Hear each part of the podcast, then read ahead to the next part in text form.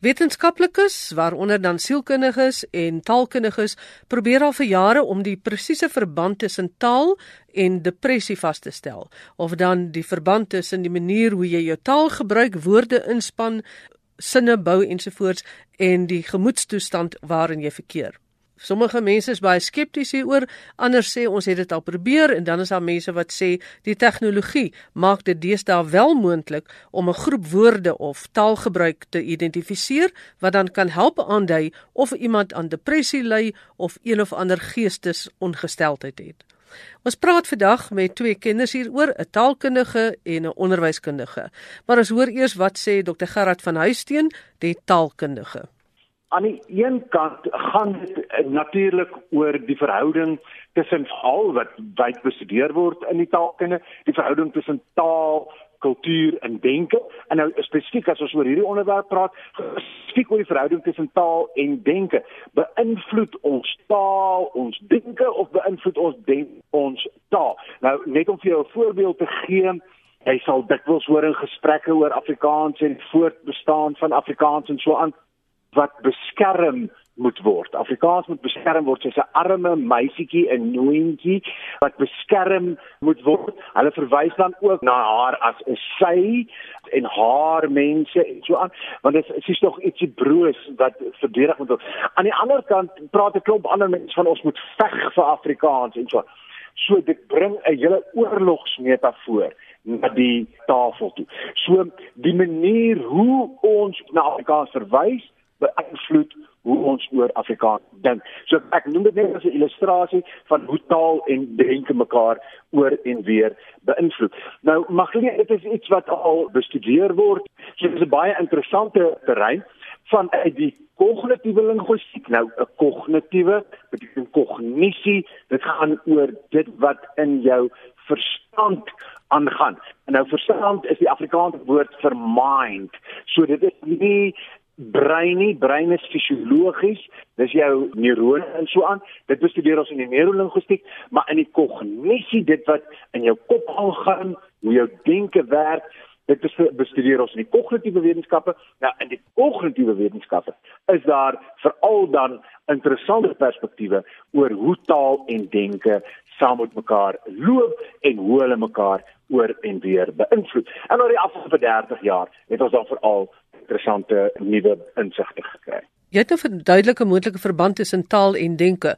Kom ons eh, beweeg 'n bietjie verder en ons sê is daar ook 'n verband of kan daar ook 'n verband wees tussen taal en sekere emosies of sekere geestestoestande? Byvoorbeeld iets soos depressie. Magdalene absoluut. Ons moet wel versigtig wees as ons oor sulke goed praat. Net soos wat ons nou nie moet sê o, drink hierdie pilletjie as jy depressief is en dan gaan jy beter voel nie. Dit moet altyd binne konteks gedoen word. Dit moet altyd hanteer word binne spanverband ensovoorts. Net so kan ons nou nie sê o, omdat ek nou hierdie brief van jou gelees het, hieruit kan ek nou aflei jy is depressief nie. So ek wil net hê ons moet versigtig daaroor wees. Maar terug na jou vraag toe kan ons uit mense se taalgebruik aflei oor goed soos gemoedstoestand en so aan. Ja, definitief solank as wat 'n mens dit met handskoene doen. Ek gaan vir jou 'n voorbeeld gee oor 'n stukkie navorsing wat ek uh, jare gelede uh, by betrokke was. Die bekende reeksmoordenaar in Amerika Ted Bundy wat gediagnoseer is met veelvoudige persoonlikheidssteurnis, een woord multiple personality disorder ons in die ou dae gesplete persoonlikheid genoem het. En elkeen van hierdie verskillende persoonlikhede van hom elkeen van hierdie karakters wat in sy kop was se taalgebruik het van mekaar verskil. Ek kon gewoon aan die taalgebruik deur gewoon die tekste lees kon jy identifiseer watter een van hierdie persoonlikhede is aktief. Nou binne die sielkunde en in baie magleen ek is nie sielkundige nie, maar binne die sielkunde het ek nou byvoorbeeld van iets soos ego-staat terapie waar hulle juis probeer om hierdie grense tussen hierdie verskillende karakters en so aan af te breek. En ek dan ook ego-staat terapie uh, en so aan regverstaan, dan kan dit ook gebruik word in die geval van depressie leiers en om te help daarmee. So jy kan taal gebruik om probeer agterkom wat dit is iemand voel hoe iemand dink oor bepaalde goedes en dan kan jy begin verander As nou kyk na die linguistiese uh, eienskappe soos byvoorbeeld taalpatrone of die lengte van sinne of die uh, groepe van woorde wat gebruik word. Dit is nou meer na die taalkant toe. Is daar al wetenskaplik bewys dat daar 'n definitiewe verband tussen die linguistiese eienskappe is en die uh, toestand van die persoon? Dit is nie heeltemal my uh, terrein nie wat ek wel weet is elke mens het 'n bepaalde manier, het eintlik 'n vingerafdruk van wie die manier waarop jy praat. En daarom dit is die basis van die forensiek waaroor daar al baie op hierdie program gepraat is, dat jy gewoon deur na taalpatrone te kan gaan kyk, kan jy iemand identifiseer en op jouself taalpatrone te gaan kyk, kan jy afleidings gaan maak vir wat met iemand aangaan. In die terrein waar ek spesifiek beweeg, bietjie taaltegnologie en so aan, is een van die opwindende nuwe terreine wat ons mee te doen het, gaan juis oor sulke goed soos sentimentanalise. So wat behels sentimentanalise? Dit gaan daaroor dat jy byvoorbeeld 'n aanlyn resensie kan lees van 'n uh, kamera op 'n of ander webwerf en dan met behulp van die programmatuur kan jy bepaal is daardie resensie positief of negatief. Wat is die sentiment van daardie resensie? En soortgelyk kan jy dus weer van masjienleer gebruik te maak, uh, sogenaamde kunsmatige intelligensie, kan jy gaan bepaal modelle afrig om te bepaal wanneer praat ons hier van mense wat uh nou ja, aan depressie ly of wat multipersoonlikheidssteurnisse het. So in teorie is heeltemal moontlik. Ek is net nie 100% op hoogte van uh die masjienleernavorsing wat daaroor gedoen is. Hoe kan 'n mens nou tegnologie inspann om dan iemand se emosies of gemoedstoestand te identifiseer. As jy vir ons aan die hand van 'n voorbeeld kan sê wat maak die tegnologie of watter tegnologie het jy tot beskikking om dit deesdae te kan doen vanuit die taalkant, daardie verhouding tussen die taal en die denke. Magleen, ek sou versigtig wees om te sê dat dit regtig op hierdie stadium onmoontlik is om per individu dit te gaan doen, want jy het per individu dis eers 'n taalmodel nodig waar aan 'n groot taalmodel wat bestaan uit taaldata, opnames van gesprekke, geskrifte ensovoorts sodat jy kan sê hierdie is die persoon in 'n 'n ondepressiewe toestand en hierdie is die persoon in 'n depressiewe toestand. Of soortgelyk moet jy 'n groot database gaan hê van taalgelyk van mense wat depressief is voordat jy van hierdie rekenaar modelle kan gaan aflei. Ek is nie bewus daarvan dat daar sulke modelle bestaan. Wat wel bestaan is dat ons as taalkundige, jy as taalkundige, al dan die sielkundige gaan let op die taalgebruik van persone, né? Jy kry bepaalde woorde wat mense meer gebruik. Jy kry maniere hoe hulle situasies omskryf. Jy weet ek is altyd moeg of en nie dikwels of gereeld of nie altyd moeg is amper 'n teken van daardie ek kan nie dit hanteer waarmee ek besig is nie. Mens sal hier kan verwys na die absolute woorde soos jy nou sê altyd nooit almal is teen my ek is voortdurend moeg. Dit is daai absolute woord maar mens sien ook subtiele tone nê iemand wat byvoorbeeld narcissisties is sal dalk geneig wees om meer te praat van ek en alle sinne te begin met ek en ek en ek en my en so.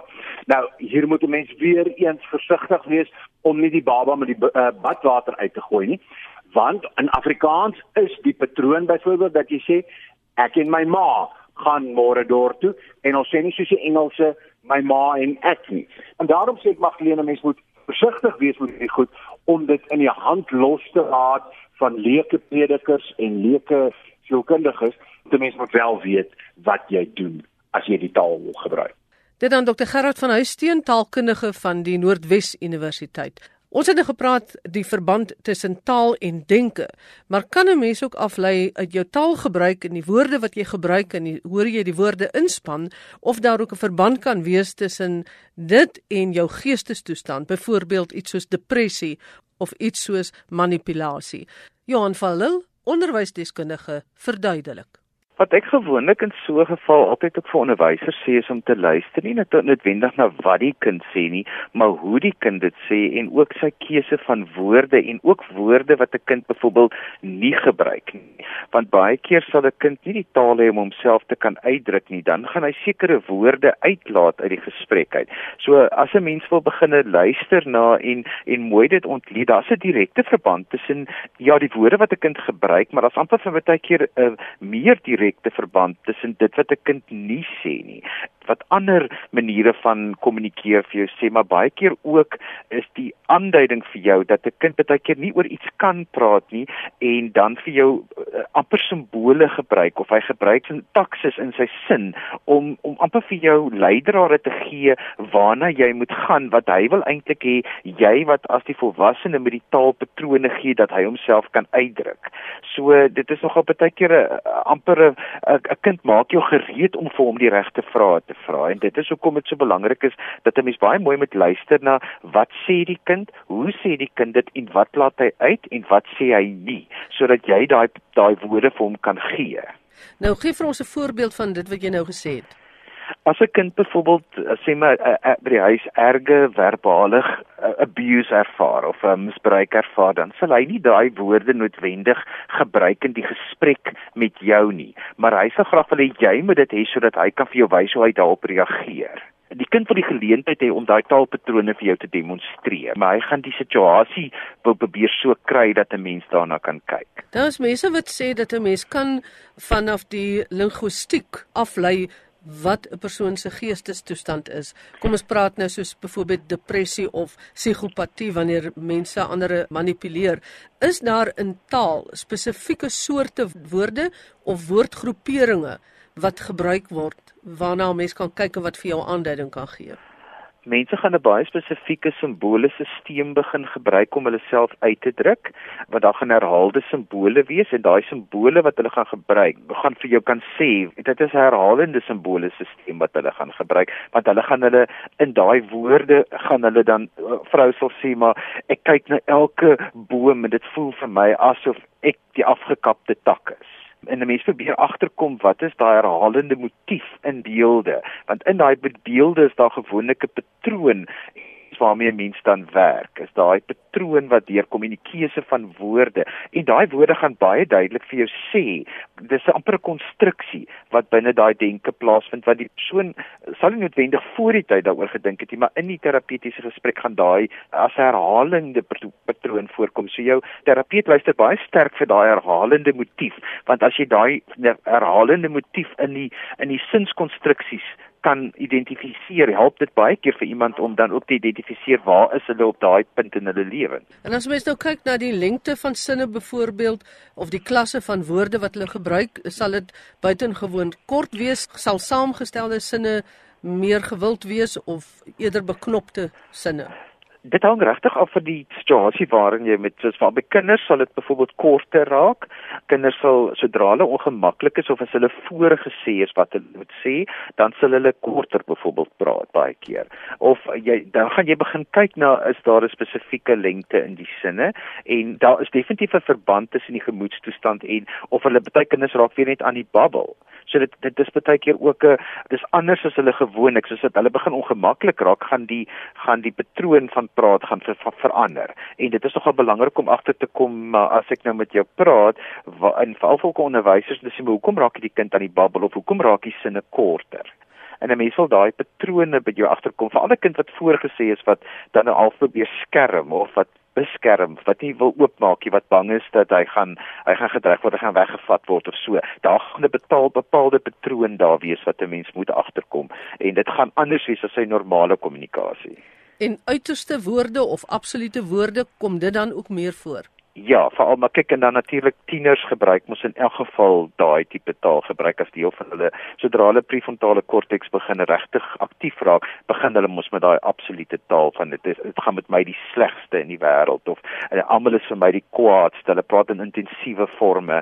Dan moet jy mens kyk na wat is agter dit. Dit gaan nie regtig so nie, maar dis hulle belewenis daarvan. Maar hulle raak in veral tieners as gebruik kom daai absolute dit is die donkerste tyd. Ek is die lelikste. Hulle intensiewe forme is deel byvoorbeeld van hoe die brein daar ontwikkel en dit is ook altyd 'n goeie aanduiding om te sien dat jou kind is wel nou op die hoogtepunt van sy klink van sy prefrontale korteks. Maar nou kan 'n mens ook sê maar mens moet nou nie oorboord gaan nie, want dit is normaal van tieners se taalgebruik of se gemoed. Hoe kom 'n mens dan nou by daardie fyn onderskeiding wanneer is dit maar gewone, soos ons maar sê ons is 'n bietjie af of gewone gedrag van mense of tieners en wanneer skuil daar iets ernstiger daar agter? Kyk jou terapeut gaan gewoonlik luister vir patrone. Kyk want die terapeut weet onmiddellik maar dit is hoe tieners hulle geself gewoonlik uitdruk. So 'n mens gaan verby daai en dit is hoekom taalkennis so belangrik is vir 'n terapeut want jy gaan verby dit. Jy weet dit is deel van daai ontwikkelingsstadium. So jy gaan dan verby dit luister na en dan begin jy patrone soek vir goeters wat herhaal en jy gaan dan amper dit wat jy hoor gaan jy amper elimineer en probeer luister na wat is agter dit wat jy hoor. Ek het al gehoor dat hulle sê jy kan vanuit die manier hoe iemand met jou praat in terme van hoe die taal gebruik word en die sinskonstruksie en die morfologie en sintaksis en al daardie kan jy aflei of dit 'n manipulerende persoon is wat dan selfs verder gaan na psigopaat toe. Is dit so? Ja, want baie van hulle begin verwys na hulle self in die derde persoon. Hulle begin hulle self anders skets.